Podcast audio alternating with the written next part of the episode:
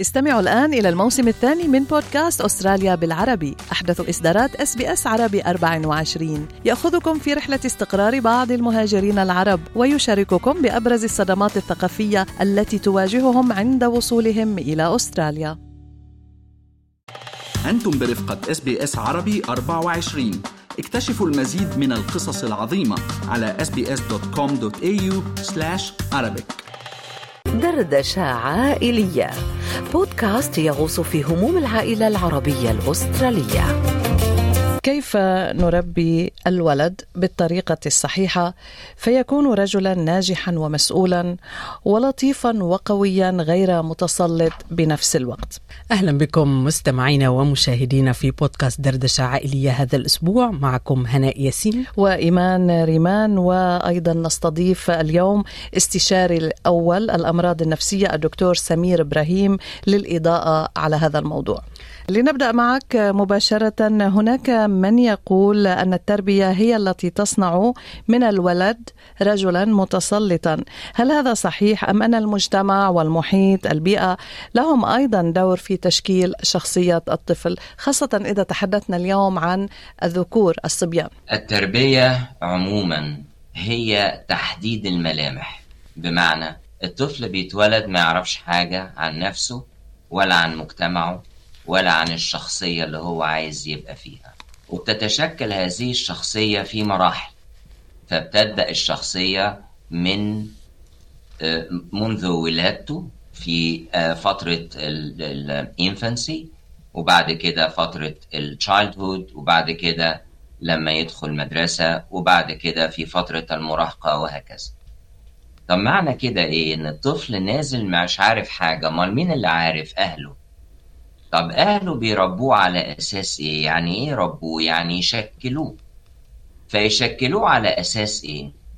على أساس المفاهيم عن شكل الذكر أو عن شكل البنت معنى كده إن الأهل لازم ليهم آثار مهمة جدا لأن في ذهنهم شكل معين هيلبس إزاي هيتكلم إزاي هيتعامل مع الآخرين إزاي هيحس إزاي يعبر عن نفسه إزاي وهكذا. إذا الأهل بيفرضوا على الأولاد وده شائع في كل المجتمعات مش بس المجتمعات الشرق أوسطية لكن في كل المجتمعات. إيه شكل الراجل اللي هيطلع؟ إيه شكل البنت؟ عشان كده صعب جدا إن إحنا نلاقي إن في مجتمع يشابه مجتمع آخر إلا لو كانوا متحدين في الأفكار أو الديانة أو خلافه فتلاقي الأوروبيين قريبين من بعض شرق أوسطيين قريبين من بعض الدول العربية قريبة من بعض وهكذا طب ليه أنا بقول الكلام ده؟ لأنه صعب إن إحنا نقول هناك خطأ في تربية الأولاد لأنه اللي بيربوهم في أستراليا دول ناس جايين منين؟ مجتمعنا اللي بيتكلموا عربي وبيسمعونا النهاردة جايين من الشرق الأوسط طب ما هو الأب والأم بيربوا زي ما هم يعرفوا مش زي ما جم في مجتمع غربي ففي تفكير مختلف في شكل مختلف للذكر في شكل مختلف للأنثى. فهم بيجوا يربوهم حسب اللي هم يعرفوه والصورة المثالية بالنسبة لهم حسب مجتمعهم وحسب ما هم اتربوا. فعشان كده مع الهجرة وبالذات الفارق بين الجيل الأول والجيل الثاني للهجرة لازم بيبقى فيه احتكاكات كثيرة جدا. وكتير من الناس لما بيهاجروا بيلاقوا إن في مشكلة في اختلاف في الرؤية في الحدود حتى القانون. وال... لو رجعنا للسؤال هل الأهل بيساهموا في تربية الذكورة وشكل الذكورة؟ آه طبعا. حسب المجتمع اللي هم جايين منه وحسب مفاهيمهم هم عن إيه هي الذكورة في هذه المجتمعات اللي هم أصلا جايين منها. فاذا كيف يمكن للأهل إنهم يختاروا أسلوب التربية، السلوكيات اللي راح يزرعوها في هذا الطفل حتى يكون آه، صاحب شخصية متوازنة لا يكون ضعيف الشخصية لا يكون متسلط يكون شخص ناضج قادر على التعامل مع من حوله باحترام أنا عايز أحط تعريف جديد للشخصية القوية. الشخصية القوية ما هياش شخصية الآمر الناهي ولا شخصية اللي صوته عالي ولا شخصية أنا قلت ولا شخصية اسمع الكلام ولا حاجة من دول.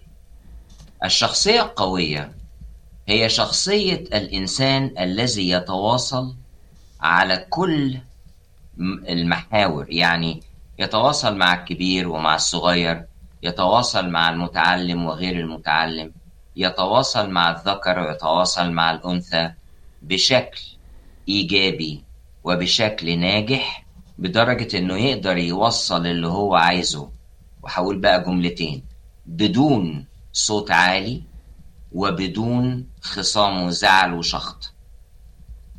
لازم يبقى فهم نبقى فاهمين إن هي دي ملامح الشخصية القوية. وليست ملامح الشخصية القوية هي المتسلط.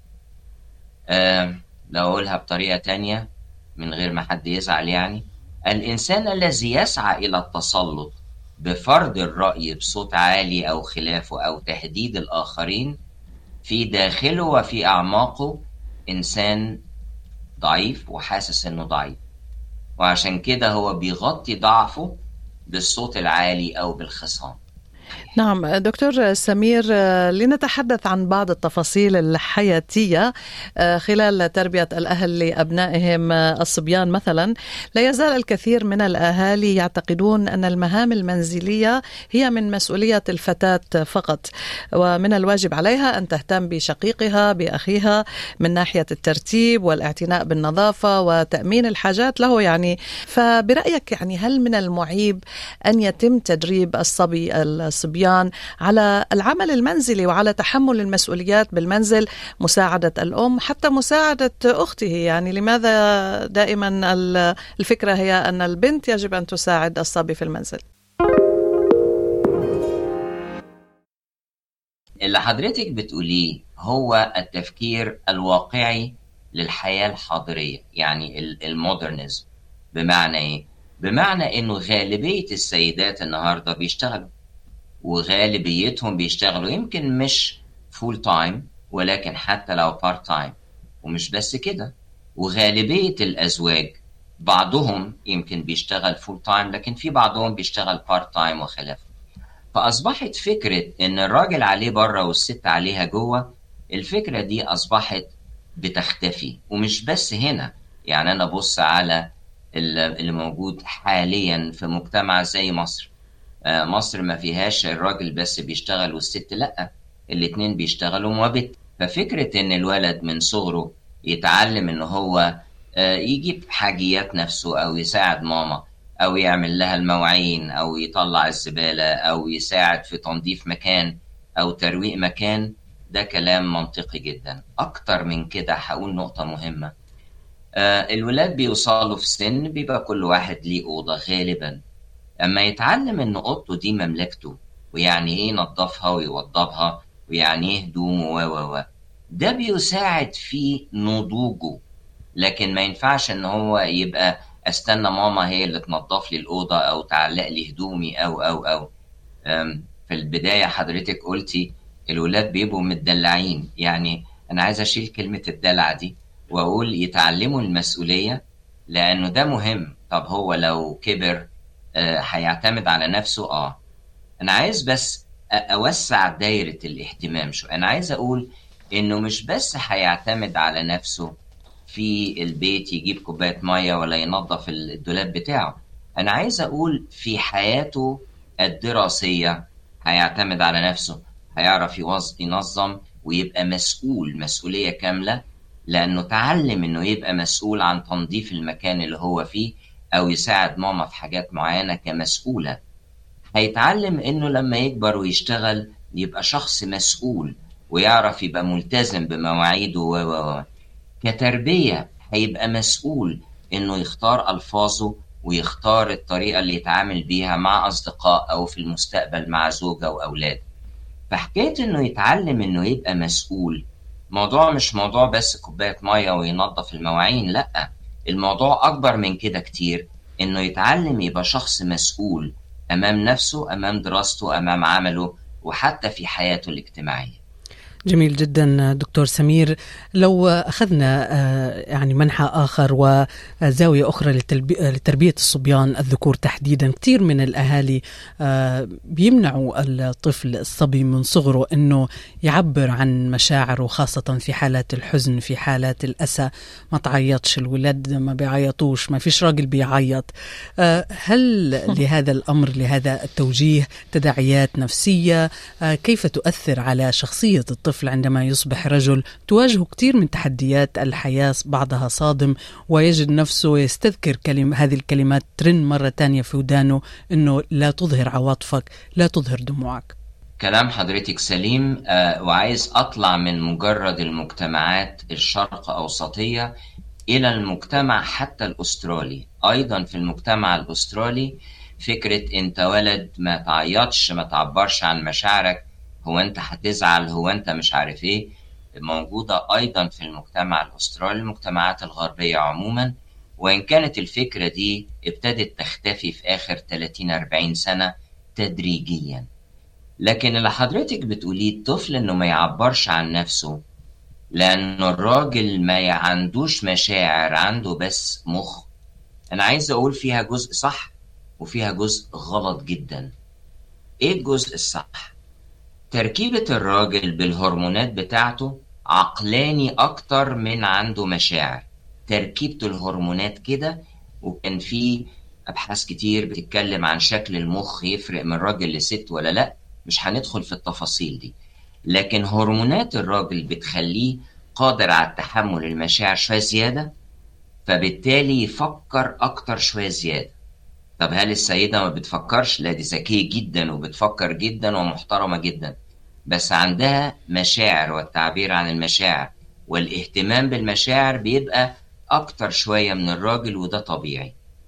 لكن ناخدها بقى لإكستريم ونقول لا الراجل ما عندوش مشاعر يقفل على مشاعره. عارفة حضرتك بيطلع ساعتها المشاعر إزاي؟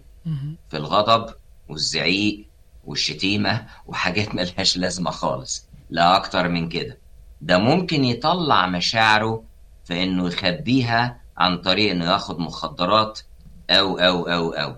لا أكتر من كده. ده ممكن يكتم مشاعره دي لغاية ما يجي في يوم ينفجر. وعشان كده كان في مرحلة من المراحل الكلام ده من حوالي 30 40 سنة كان انتحار الرجال أعلى كتير جدا من انتحار السيدات. ليه؟ لأنه قاعد يكتم يكتم لغاية ما زي ما بيقولوا المصريين يطق من جنابه. فطبعا كل الحاجات دي تربية خاطئة. الولد والبنت دول بني آدمين. عندهم هما الاتنين مشاعر. وتشجيعنا بيدي فرصة للولد إنه إزاي ياخد الأفكار بتاعته والمشاعر بتاعته يصنفها في صورة كلمات وجمل ومواضيع من غير ما يبقى بيزعق من غير ما يبقى بيخاصم من غير ما بيبقى بيشتم. لكن يقول اللي هو عايز يقوله ويقول مشاعره ويقول أحاسيسه ويقول أفكاره ويقول تركيباته الداخلية من غير ما يبقى عنده الانفجار سواء في غضب أو الكتمان لغاية ما يطق من جنابه أو يضطر إنه ياخد مخدرات أو كحوليات عشان يقدر يتعامل مع الآلام الداخلية. الولد والبنت هما الاتنين بشر هما الاتنين عندهم مشاعر.